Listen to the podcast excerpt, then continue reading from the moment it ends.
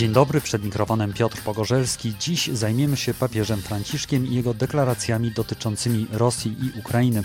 Czym są one podyktowane? Na to pytanie pomoże mi odpowiedzieć Edward Augustyn, dziennikarz Tygodnika Powszechnego, akredytowany przy Watykanie. Dzień dobry. Dzień dobry. Myślę, że wszyscy już słyszeli słowa papieża Franciszka, który w piątek na zakończenie telemostu z Petersburgiem zwrócił się do około 400 młodych rosyjskich katolików, mówiąc o tym, że są dziećmi Wielkiej Rosji, w tym cara Piotra I i carycy Katarzyny II. Co te słowa mówią nam o postrzeganiu przez y, papieża świata? Może zacznijmy od tego, jak widzi on Rosję. To, to, to są słowa szokujące. Y, wywołały najpierw niedowierzanie, czy, czy to w ogóle jest możliwe, że papież to powiedział. W oficjalnej wersji papieskiego wystąpienia y, tych słów nie było.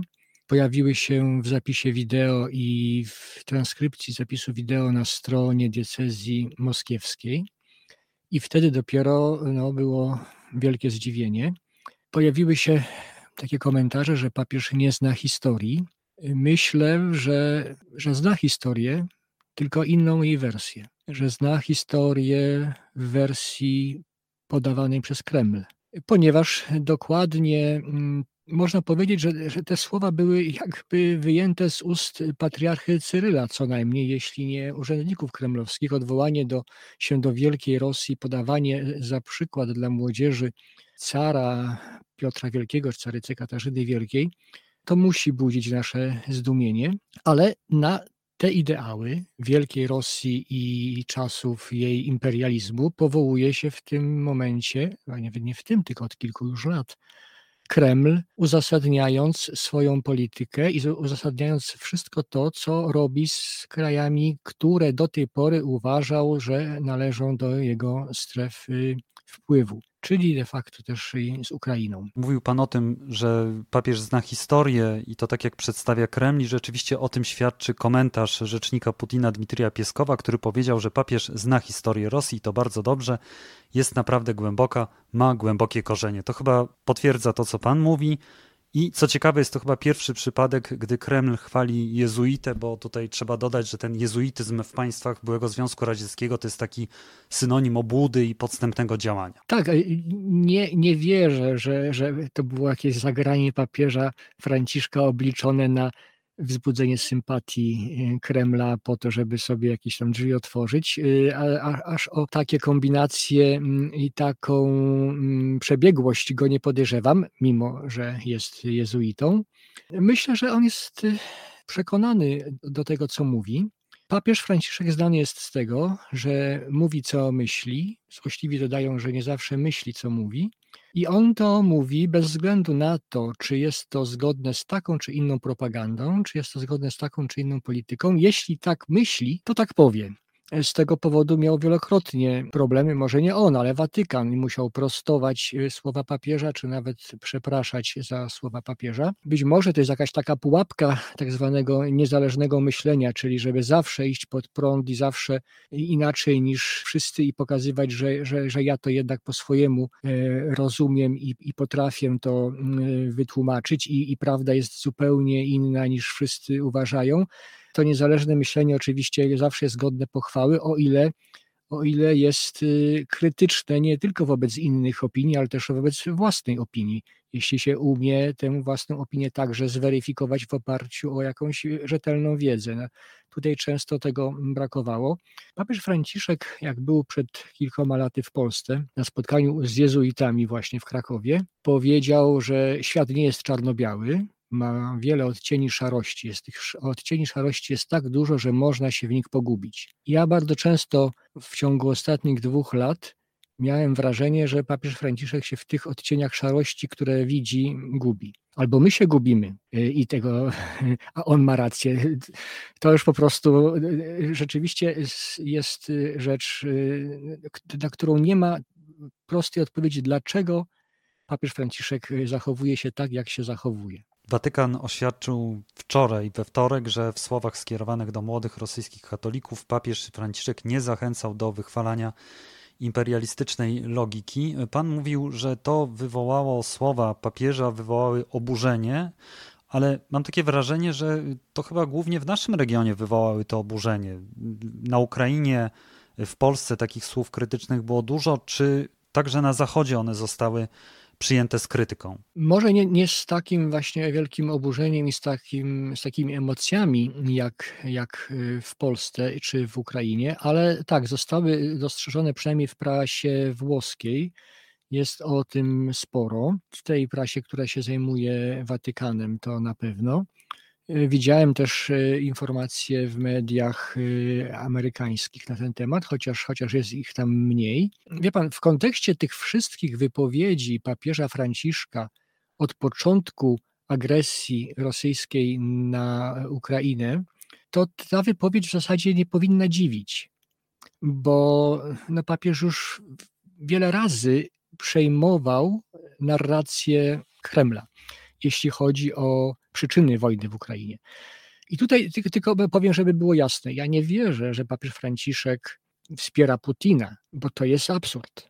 I to dobrze o tym wiemy, że on jest przeciwko wojnie w Ukrainie, on jest przeciwko każdej wojnie, ponieważ no, giną ludzie, tam są ofiary y, śmiertelne, są, są ranni, są, y, są porywane dzieci, są gwałcone kobiety. On o tym wielokrotnie mówił i wielokrotnie był solidarny z ofiarami mm, tej wojny. Owszem, wśród ofiar tej wojny widzi też żołnierzy rosyjskich. Można mu było zarzucić, zarzucać, że jednym tchem wymienia ofiary po stronie napadniętej Ukrainy i po stronie agresora ale też można powiedzieć, że czując się ojcem wszystkich ludzi, bo jest taka, takie przekonanie, że, że papież, Ojciec Święty jest ojcem wszystkich wierzących, nawet niewierzących, można powiedzieć, to y, no, śmierć każdego człowieka może go jakoś tam dotknąć i boleć, i, i to jakoś tam byliśmy w stanie zrozumieć. Ale kiedy mówił, że owszem, no, jest agresja na Ukrainę i że,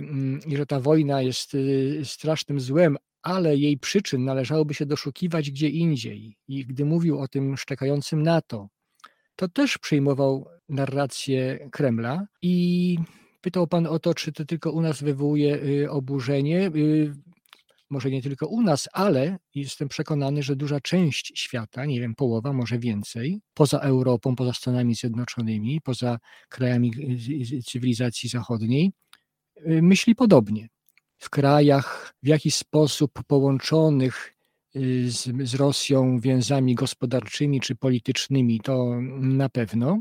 O tym mówił prezydent Kuby, y, początkowo też to mówił prezydent Brazylii, y, Lula. Mm, wielu innych przywódców mówią tak, tak, no, ta agresja jest zła i Putin mm, nie powinien napadać na, na, na, na inny kraj, ale przyczyną tak naprawdę tego było to, że w 2008 roku już y, Stany Zjednoczone proponowały Ukrainie mm, przystąpienie do NATO i że zbroiły Ukrainę, w związku, w związku z tym no, Rosja musiała się bronić.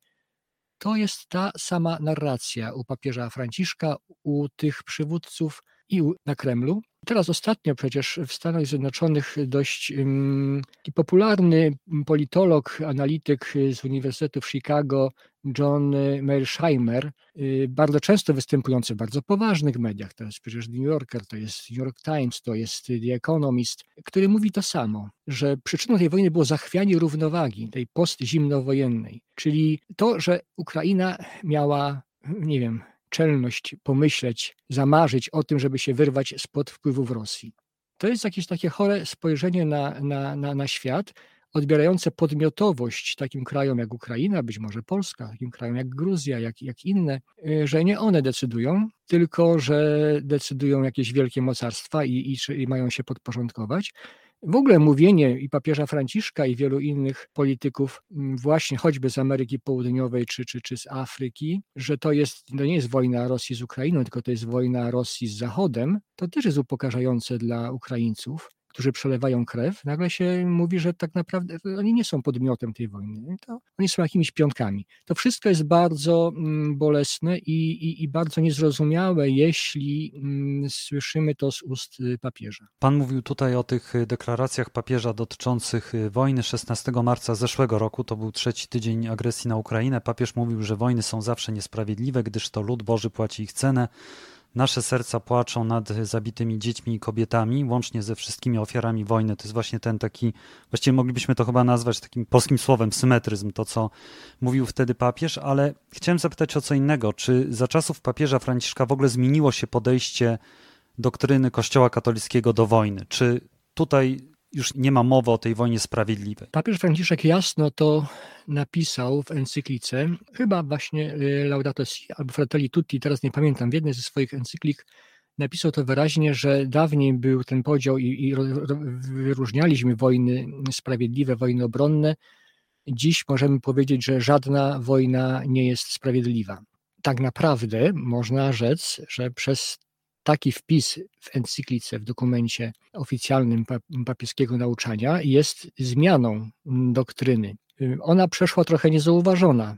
Chyba nawet to było w przypisie do, do, do, do, tekstu. Papież Franciszek już kilka razy zrobił taki ruch, jakby zamierzał zmienić nauczanie Kościoła właśnie poprzez przypis w jakiejś adhortacji albo w encyklice. Z tego powodu potem były różnego rodzaju awantury. Ale y, gdy wybuchła wojna w Ukrainie i gdy po raz pierwszy od nie wiem jak dawna mieliśmy, mamy do czynienia z wyraźnym agresorem i z ofiarą, to troszkę się wycofał z tego, y, z, tego, z, tych, z tych słów. Mówił, powiedział parę razy, że Ukraińcy mają prawo się bronić, mają prawo bronić swojej ojczyzny. ojczyzny. W liście do Ukraińców z jesieni z tamtego roku chwalił po raz pierwszy właściwie żołnierzy ukraińskich, dziękował im za to, że bronią swojej ojczyzny. Więc zrobił taki jakby krok w jedną stronę i potem się z niego wycofał. I to jest charakterystyczne dla, dla papieża Franciszka, dla tego pontyfikatu, że, że jest niekonsekwentny, że działa, mm, działa tak impulsywnie, spontanicznie, nieprzewidywalnie i, i te, stąd takie wrażenie chaosu, także w dyplomacji, w, w sprawach dyplomatycznych, ponieważ myśmy bardzo długo nie wiedzieli, jakie jest stanowisko Watykanu wobec wojny w Ukrainie. Wiedzieliśmy, że papież potępia każdą wojnę, ale nie chciał nazwać z imienia agresora, nie chciał powiedzieć, e, że to jest Rosja odpowiedzialna. Potem nagle nastąpiła jakaś zmiana, nie wiem, y, tłumaczył to najpierw względami dyplomatycznymi, że chce mieć otwartą drogę do, do rozmów z Putinem czy, czy z Tyrylem. Gdy to się okazało niemożliwe, nazwał Cyryla ministrantem Putina, zamykając sobie, sobie całkowicie możliwość jakiego, jakiejkolwiek rozmowy chyba dał wotum nieufności swoim służbom, służbom dyplomatycznym, jeśli chodzi o sprawy wojny w Ukrainie, ponieważ te wszystkie zapowiedzi, że Watykan będzie, powinien mediować i, i, i chce mediować i, i, chce nawiązać, y, doprowadzić do, roz, do rozmów pomiędzy Rosją a, a Ukrainą, gdy zaczęły się finalizować, krystalizować w ostatnich miesiącach, to powierzył te sprawy nie swoim służbom dyplomatycznym, przygotowanym odpowiednio i, i profesjonalnym, ale kardynałowi Bolonii, kardynałowi Zupiemu, który z kurią watykańską, z dyplomacją nie ma nic wspólnego. W związku z tym no, mm, te, te ruchy papieża Franciszka po pierwsze mogły być niezrozumiane, a po drugie mm, no, spowodowały obniżenie, mimo wszystko obniżenie autorytetu Watykanu i papieża i tak naprawdę chyba nikt nie wierzy w to, że mm, mediacje jakiekolwiek watykańskie są możliwe. Czyli te wyjazdy papieskiego wysłannika do spraw Ukrainy w czerwcu i do Moskwy, i do Kijowa nic nie przyniosły. Przynajmniej my nic nie wiemy, tak, żeby był jakiś efekt. Tak, nie wiemy nic o efektach, ale też y, i, sam Zuppi, Zuppi i, i Watykan nie chcieli nazywać tych misji misjami, mediacjami, czy misjami pokojowymi, czy, czy, czy, czy samego Zuppiego nie, nie nazywano mediatorem czy negocjatorem. Tych słów y, zaprzestano używać. Mówi się, że jest wysłannikiem papieża i tak naprawdę oficjalnie y, rozmowa jest o tym, że jego rolą jest nawiązanie jakichkolwiek rozmów, stworzenie jakiejkolwiek platformy do spotkania i też y, sprawa porwanych dzieci ukraińskich, które y, kardynał Zupi chciałby doprowadzić do, do szczęśliwego zakończenia tej sprawy, czyli do powrotu tych dzieci na Ukrainę. Był w, w Kijowie, był w Moskwie, był w, w Stan Waszyngtonie, spotkał się z prezydentem, jeszcze prawdopodobnie pojedzie do Pekinu. Więc Tutaj jakieś próby są, są podejmowane. Jak, czy one będą skuteczne? O wielu tych sprawach y, związanych z dyplomacją my oczywiście nie wiemy i, i, i się nie dowiemy. No, o, o, tej misji w Zupiego dowiedzieliśmy się tylko, tylko dlatego, że papież Franciszek, jak to się mówi kolokwialnie, puścił farbę dziennikarzom w samolocie zaprzeczyła Moskwa, zaprzeczył Kreml, że oni o niczym nie wiedzą. Wiedzieli, ale to była taka dyplomatyczna gra, ponieważ to nie było jeszcze do końca dopięte ale takich akcji też humanitarnych y, ze strony Watykanu było bardzo dużo. Y, wysłannikiem papieża do Ukrainy był kardynał Krajewski, był kardynał Czerny. Kardynał Krajewski wielokrotnie jeździł y, do Ukrainy z, z transportami, z pomocą ale też z tego co wiem, miał być takim mediatorem w sprawie uwolnienia cywilnej ludności z oblężonego Mariupola. To było na wiosnę w ubiegłym roku. I w zasadzie ta sprawa była bardzo daleko posunięta. Y, ludność cywilna miała opuścić y, Mariupol pod przewodnictwem papieckiego y, wysłannika. Moskwa w ostatniej chwili się z tego wycofała, co papieża Franciszka mocno zirytowało, bo on nie, e, jest bardzo, bardzo wrażliwy na tym punkcie, gdy ktoś go próbuje oszukać. A rosyjska polityka e, opiera się na kłamstwie, w związku z tym on wtedy bardzo ostro zareagował i jeśli chodzi o, o, o Cyryla i nagle okazało się, że potrafi wymienić jak nazw, z nazwy państwa agresora i to, co wcześniej było, wydawało się niemożliwe, nagle, nagle się zmieniło. Pan mówił tutaj o tym, że te deklaracje, które padały wcześniej, te takie dość delikatne, czy też te symetrystyczne, one miały, mogły oznaczać właśnie chęć y, negocjacji dyplomatycznych, ale także dużo mówiono wtedy, że chodzi o ochronę ludności katolickiej i w ogóle katolików y, w Rosji. Ta liczba waha się od 200 tysięcy do pół miliona. Z drugiej strony mamy katolików w Ukrainie, gdzie to jest mniej więcej 10% ludności, to są głównie grekokatolicy, to jest około 3-4 milionów.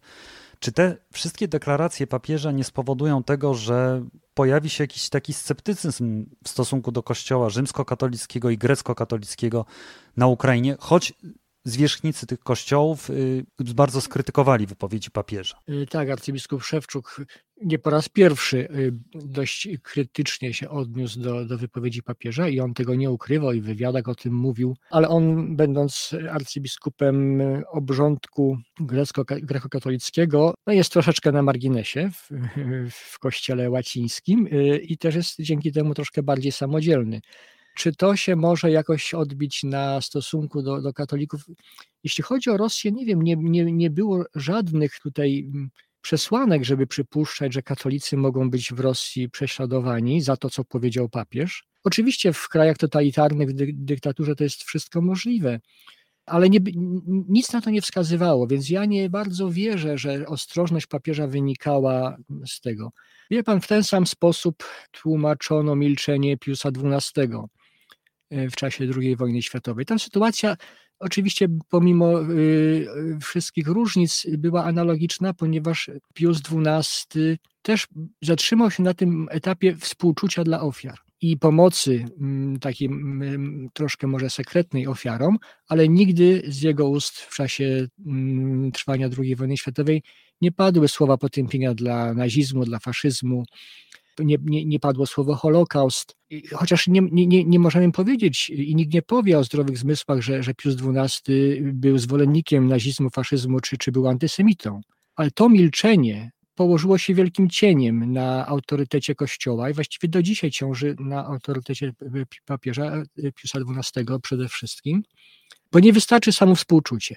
I podobnie jest tutaj w przypadku papieża Franciszka, bo my widzimy współczucie wobec ofiar tej wojny. Bardzo często papież Franciszek powtarza i mówi o tej uciemiężonej, męczeńskiej Ukrainie. Ale to ciągle jakby było za mało, ani razu nie powiedział o tym, że Ukraina ma prawo jako państwo do, do samostanowienia o swoim losie, że miała prawo wybrać orientację prozachodnią, że miała prawo powiedzieć Moskwie nie. Wręcz przeciwnie, tutaj raczej mm, jest chyba skłonny uznać, że to były y, ruchy niepotrzebne, że to, były, że to było drażnienie Kremla, że to było jakieś narażanie narażanie się na konflikt, który może się przerodzić w ogóle w konflikt, w konflikt y, światowy.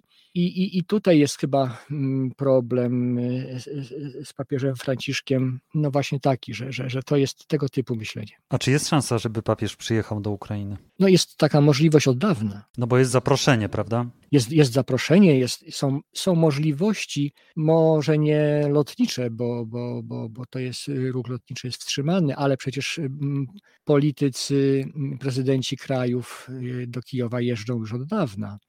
Właściwie trzy miesiące po, po, po agresji rosyjskiej, po tym pierwszym odparciu y, ataków, już tam się mm, można było pojawić. Był zapraszany. Więc jest to możliwe, ale nie wydaje mi się, żeby on tego, on taką, taką decyzję podjął, bo papież Franciszek jest y, człowiekiem upartym i jeśli powiedział, że pojedzie do Kijowa dopiero wtedy, kiedy, gdy najpierw pojedzie do Moskwy, to tego się trzyma. Y, owszem, no jest też nieprzewidywalny, więc to też może być różnie, ale póki co nie, nie, nie, nie przypuszczam, żeby, żeby Kijów był pierwszym celem jego podróży wciąż mówił o tym, że najpierw powinien pojechać do Moskwy, ponieważ tam mm, decyduje się kwestia y, pokoju pomiędzy Rosją a Ukrainą. Więc nie wierzę, żeby, żeby w najbliższym czasie miał takie plany. Bardzo dziękuję. Edward Augustyn, dziennikarz Tygodnika Powszechnego, akredytowany przy Watykanie. Dziękuję również.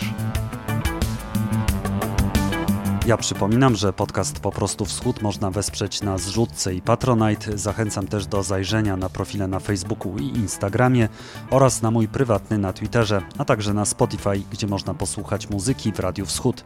Do usłyszenia, żegna się Piotr Pogorzelski.